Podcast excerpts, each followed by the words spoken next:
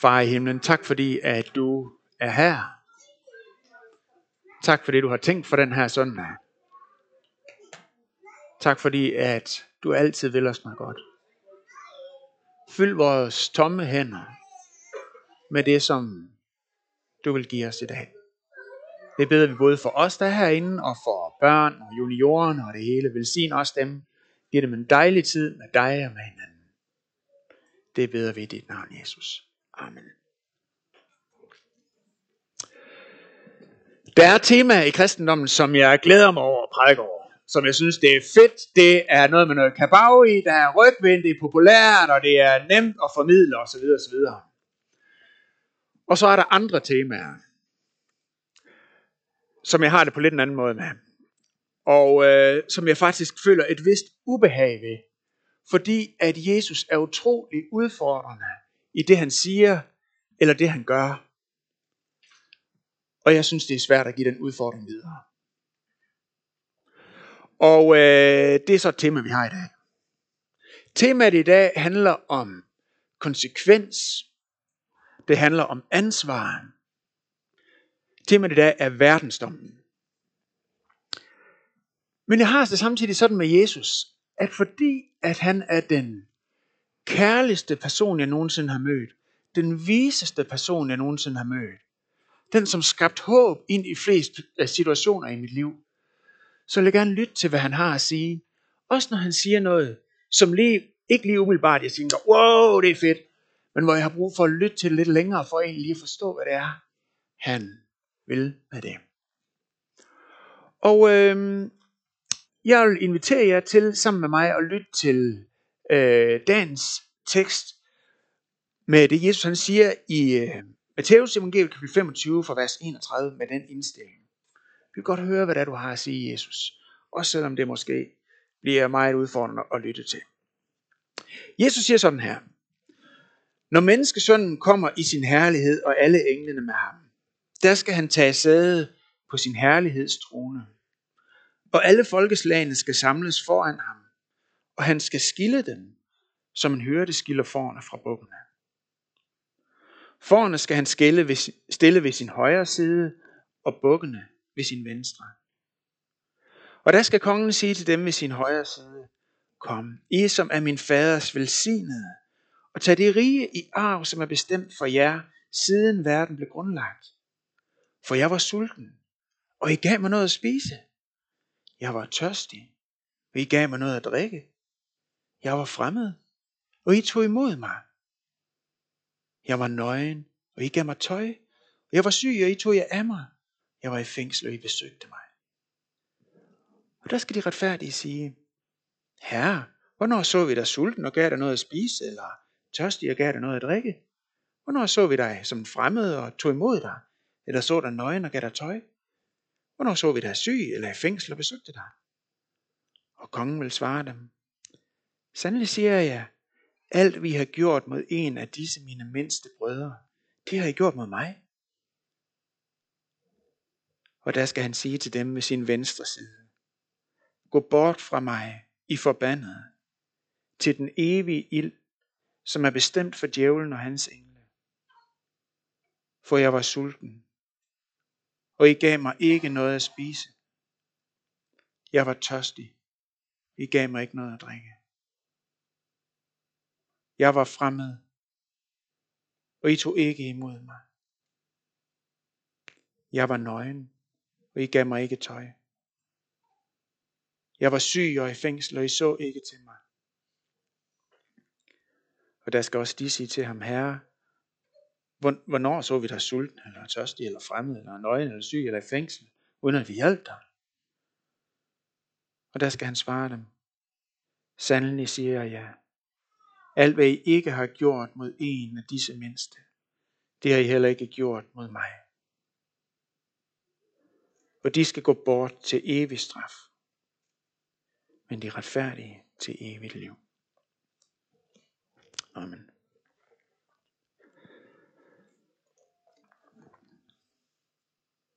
Jeg tror, at den her tekst høres meget forskellig, Alt efter, hvor man lige er i sit liv, alt efter personlighed, og der kan være flere forskellige andre faktorer, der spiller ind. Så øh, derfor har jeg skrevet tre forskellige prædikener i dag. Så vi har en dejlig lang søndag foran os. og øh, der er nok kun en af de prædikener, der er til dig. Den første prædiken er til den ængstelige kristne, og den handler om tryghed i dommen. Den anden prædiken er til den selvfede, selvoptagede kristne, og den handler om konsekvens i dommen. Og den sidste prædiken er til den nysgerrige, og den handler om glæde i dommen. Og det betyder jo så, at du forhåbentlig modsat andre søndage kun behøver at høre efter en tredjedel af tiden. Og øh, der kan resten af tiden kan du jo så bruge på, det er bare lige for at du ikke skal komme til at kede det, det kan du bruge til at tænke på, har jeg nu fået vinterdæk på, eller skal vi have sild og kajsalat til, til søndagsfrokosten i dag, eller du kan gå ud og hente en kop kaffe mere ude i caféen. Det er helt jo.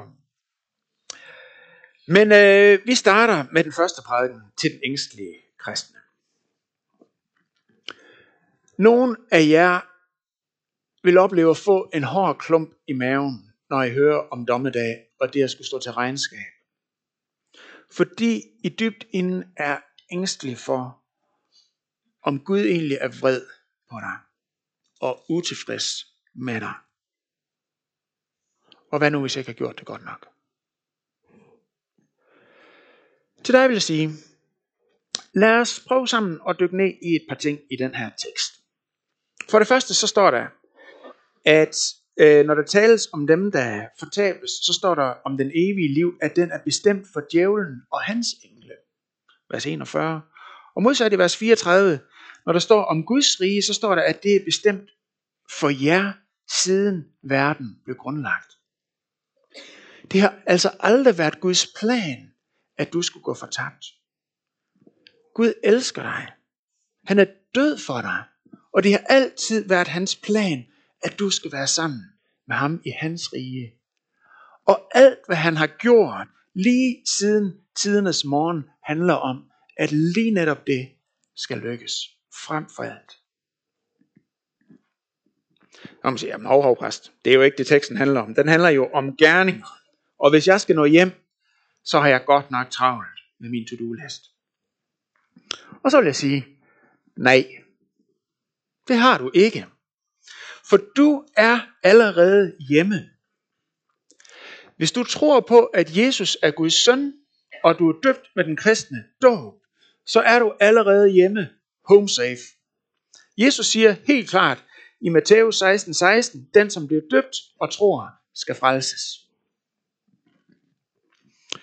Tryghed i frelsen er ikke en destination, som du skal kæmpe dig frem til ved at leve et godt liv.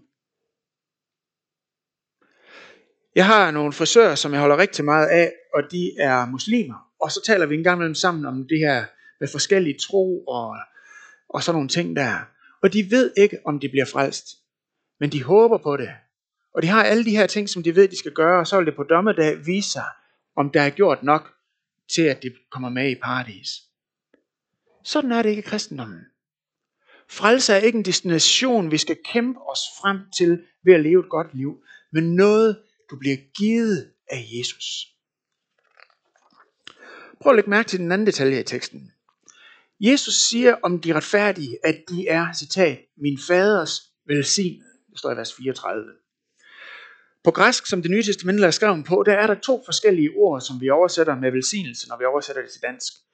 Det første ord er makarios. Det beskriver på græsk det at være heldig, eller lykkelig, eller salig. Og så er der et andet ord, som øh, på græsk hedder eleogetos. Det betyder at være skænket velvilje eller gunst. Og det er det ord, der bruges her. Og ordets grammatiske form er det, øh, som hedder part, øh, participium perfectum passiv, som indikerer en anden vigtig pointe, nemlig at velviljen er blevet skænket på forhånd. Og noget, der er skænket, er altså ikke noget, vi har gjort os fortjent til. Det er noget, der er skænket. Så er du ængstelig for, om du har gjort dig fortjent til Guds velvilje på dommedag, så hold fast i, at Jesus har gjort dig fortjent og skænket dig det, som du har brug for. Når du tror på Jesus, så er han i dig. Han er flyttet ind i dig. Og alt hvad han er, det er du også. Har Jesus gjort det godt? Så gælder det for dig. Er Gud begejstret for Jesu liv? Så gælder det for dig. Kan Jesus anytime stå til regnskab for sit liv med stor frimodighed? Så gælder det også for dig. Også på dommedag. Med stor frimodighed. Men hov, nu smager præsten ved sukker henover igen. Det var jo gerninger, det handlede om, og de syge og de sultne osv. Ja, det er rigtigt. Det er det, teksten handler om. Men her er faktorernes rækkefølge vigtig. Martin Luther, vores kirkes reformator, siger, citat, det er ikke gode gerninger, der gør en mand god, men en god mand gør gode gerninger. Altså det er ikke gode gerninger, der gør en mand god, men det er en god mand, der gør gode gerninger. Til dig, som er ængstelig, vil jeg sige, hold fast i ham, som gør dig god. Jesus, din frelser. Så skal det andet nok følge efter. Og så kan du synge med frimodighed, ligesom Grundtvig han synger i sin store dommedags øh, salme, han synger. Ej mere du gruer for dommedag, du ved din dommer har ført din sag, og fra sig selv munden. Så gå med fred. Amen. Det var den første prædiken. Så til den selvoptagede.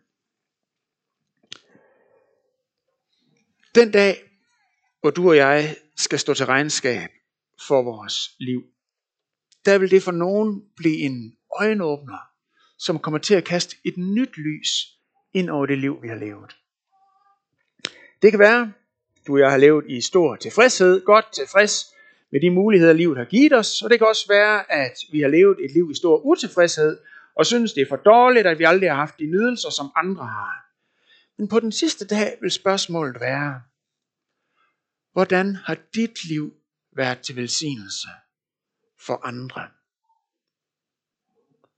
Har du levet et selvoptaget liv, der handlede om din velfærd og din komfort?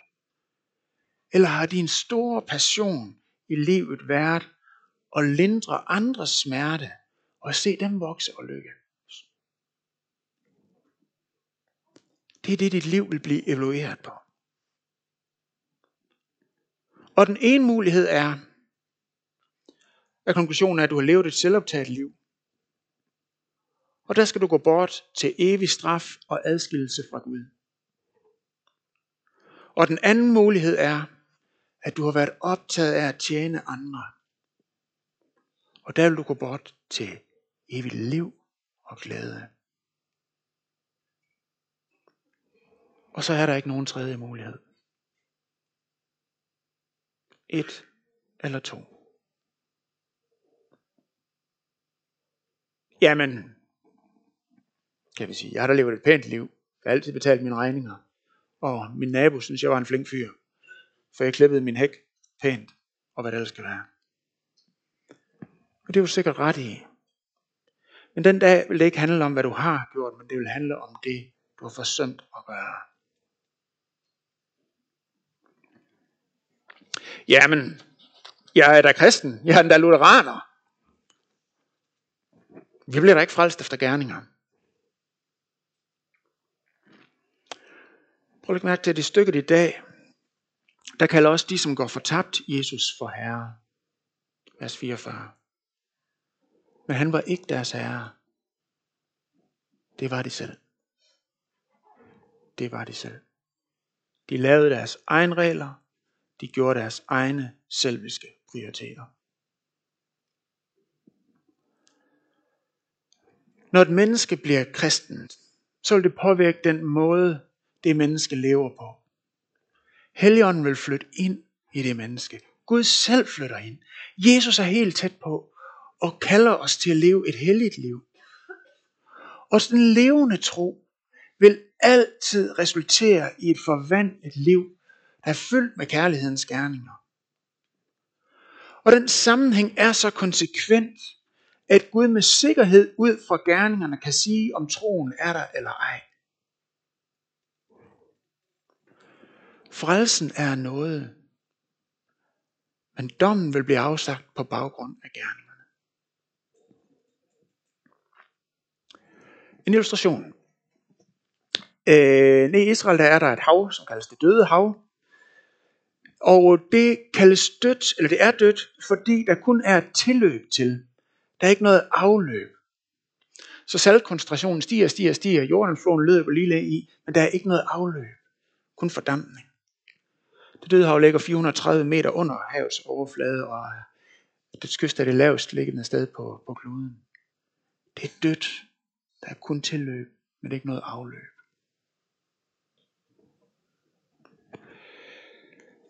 Hvis jeg her i eftermiddag øh, ude i Vonsild får besøg af Elon Musk, der ringer på og siger, Hallo Mads Peter, jeg vil gerne forære dig en øh, ny Tesla.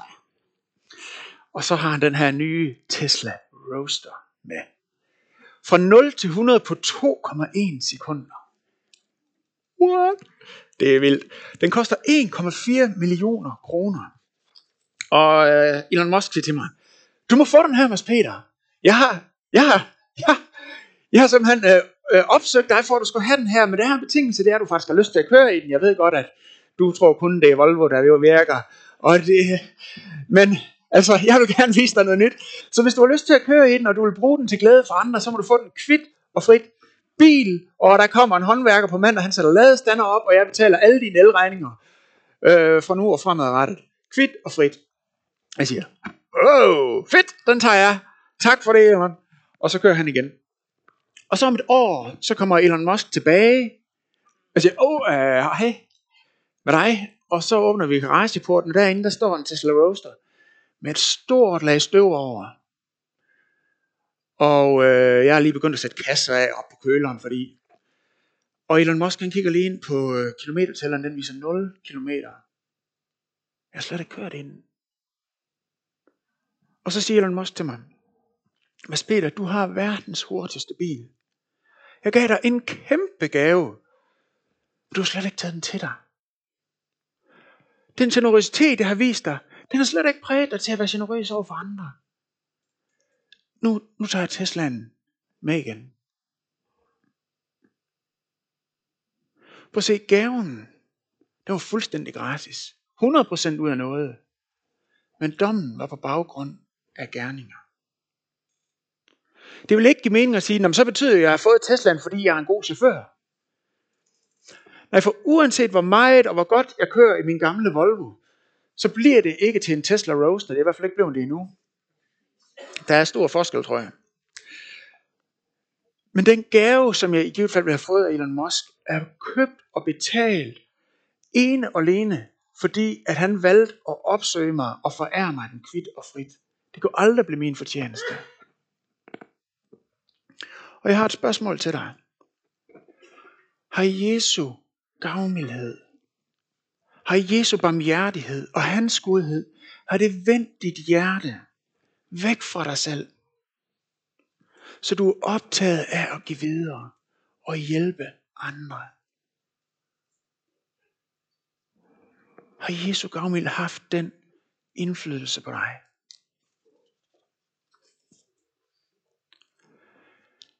Jesus fortæller, at dem, der bliver dømt, er overrasket over, at deres handlinger over for andre påvirker deres relation med Jesus.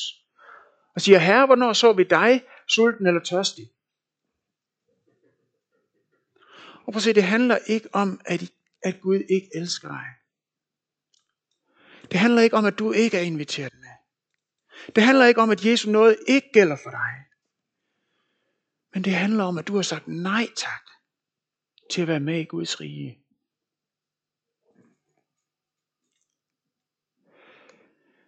Alt godt og smukt og kærligt kommer fra Gud.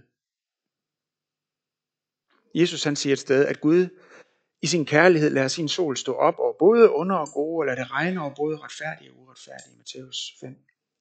Så hvert åndedræt, hvert hjerteslag, hver en smuk solopgang, hver en evne og hver en krone, vi har på vores konto, hvert et måltid, vi får lov til at nyde, er en kærlighedsgerning fra Gud, hvor universets herre kommunikerer til den enkelte. Og dommen er vores eget valg om at leve uden Gud. Vi vil måske godt have gaverne, men måske ikke lige giveren. Du vil måske godt have Jesus som coach, eller måske endda som frelser, men ikke som herre. Så siger jeg, jeg finder lige selv ud af det. Jeg vil godt være inspireret af dig, Jesus, men jeg sorterer selv. Min vilje ske.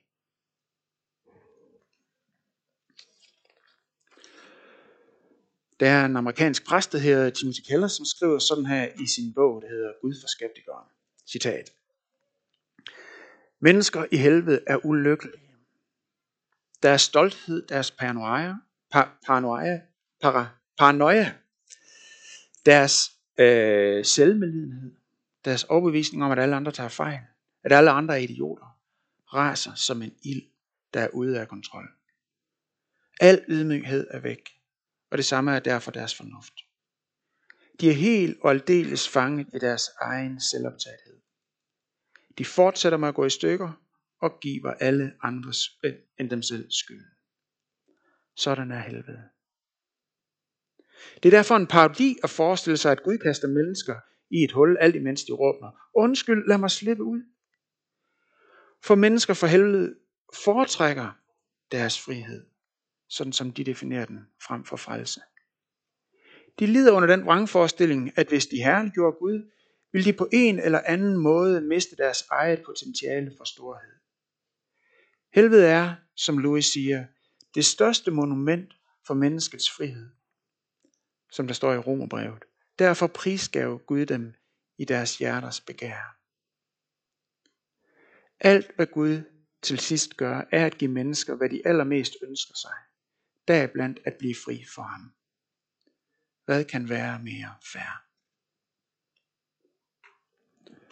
Citat slut. Prøv at lægge mærke til, hvad det er, Jesus han siger i vores tekst i dag i vers 41. Gå bort fra mig, Straffen er ikke, at der sker noget, som de ikke selv har valgt. Nej, straffen er, at Gud imødekommer deres ønske om at leve i deres eget rige i stedet for i hans. Du får rent faktisk lov til at bestemme selv, men må bære konsekvensen af dine egoistiske prioriteter. Det er helvede. C.S. Lewis en engelsk øh, litteraturprofessor, siger sådan her i sin bog, Den store skilsmisse, citat. Til sidst er der kun to slags mennesker. Dem, der siger til Gud, din vilje ske, og dem til hvem Gud siger, din vilje ske. Alle, som er i helvede, har valgt det. Citat slut. Hvis Jesu budskab i dag opleves som en fordømmende spand kold vand i hovedet, så skal du vide, at Jesus netop siger det her i dag, for at du ikke skal blive fordømt på et senere tidspunkt, og du ikke længere er i stand til at vende om. Muligheden for at vende om er der i dag. Muligheden er der i dag. Og derfor siger han, som han gør i dag. Der er en indgangsbund i Folkekirkens højmesseordning, der lyder sådan her. Herre, oplad nu således ved din hellige ånd for Jesu Kristi skyld mit hjerte, at jeg af dit ord kan lære at sørge over mine synder og tro i liv og død på Jesus, og hver dag forbedre mig i et helligt liv og levned. Det er den bøn, vi må bede. Tag de selvoptagede elementer i dit liv og læg det ved korset. For på det kors, der bar han netop straffen for vores egoisme. Hold dig tæt til ham. For tæt på hans hjerte vil han forvandle vores selvoptagede hjerter. Så vi lærer at leve kærligt, ligesom han er kærlig. Så vi lærer at leve helligt, ligesom han er hellig. Så gå bort med fred, og synd for nu af ikke mere. Amen.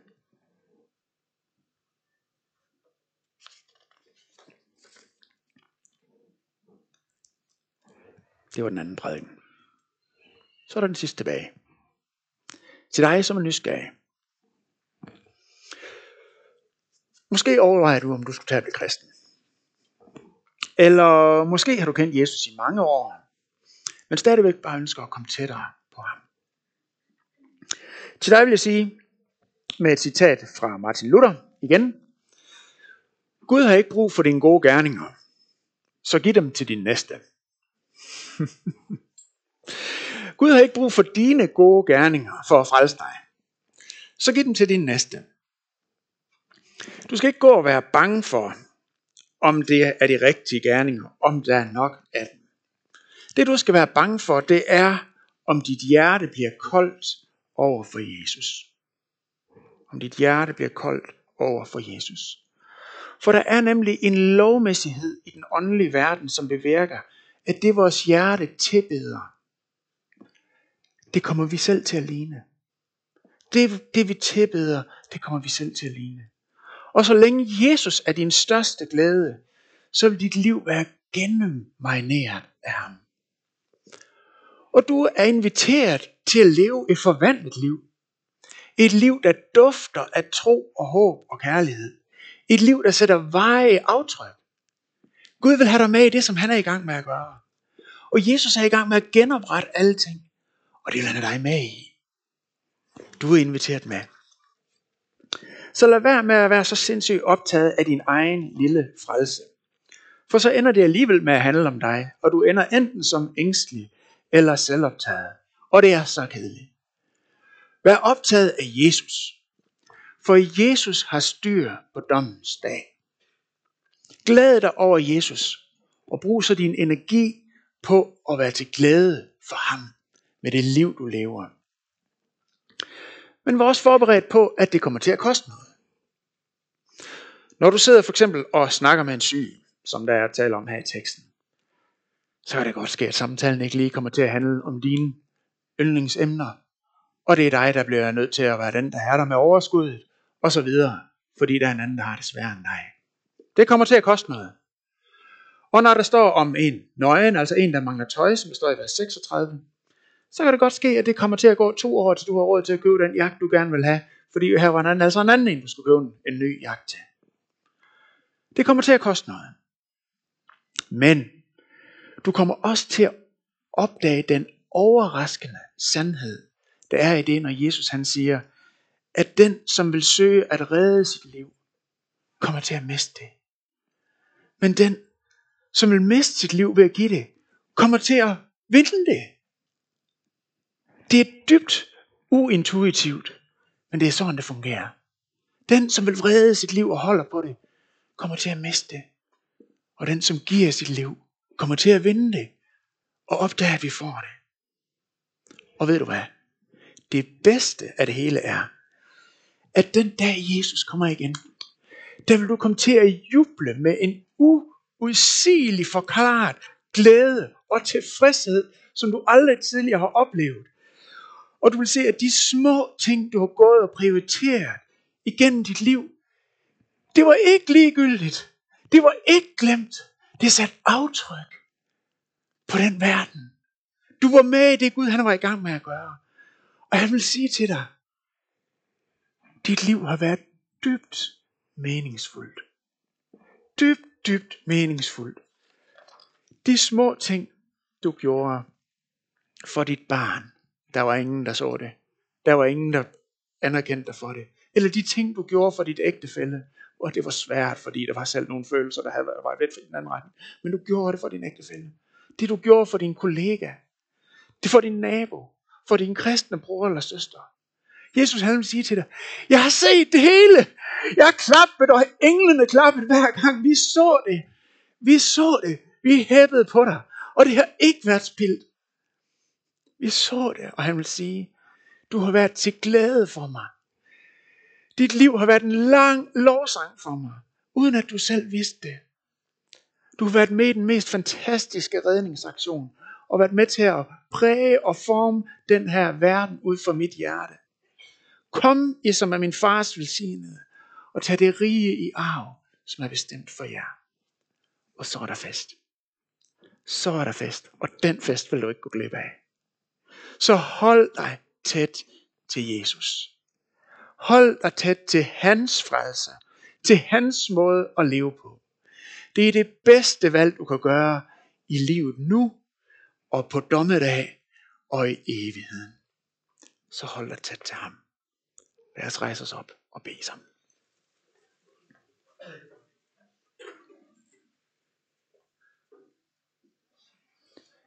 Jesus, kom dog nær til mig.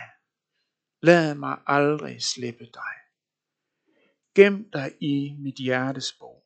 Gør det glad og gør det tro. Altid står til dig min hu. Al min glæde ejer du. Aldrig får jeg fred i sind, uden du den bringer ind. Verden ejer ingen lyst, som kan fylde dette bryst. Men når du mig bliver nær, himlen alt jeg ejer her. Jesus, lad os tage hul på evigheden allerede nu. Se det, som du er i gang med allerede nu. Giv dig plads til at forvandle vores liv, så vi lever dig til ære. Det beder jeg om, far. Lad os få lov til at dufte dig. Fyld vores tomme skåle med alt godt for dig. Du har givet alt for os. Vi vil give alt for dig. Amen.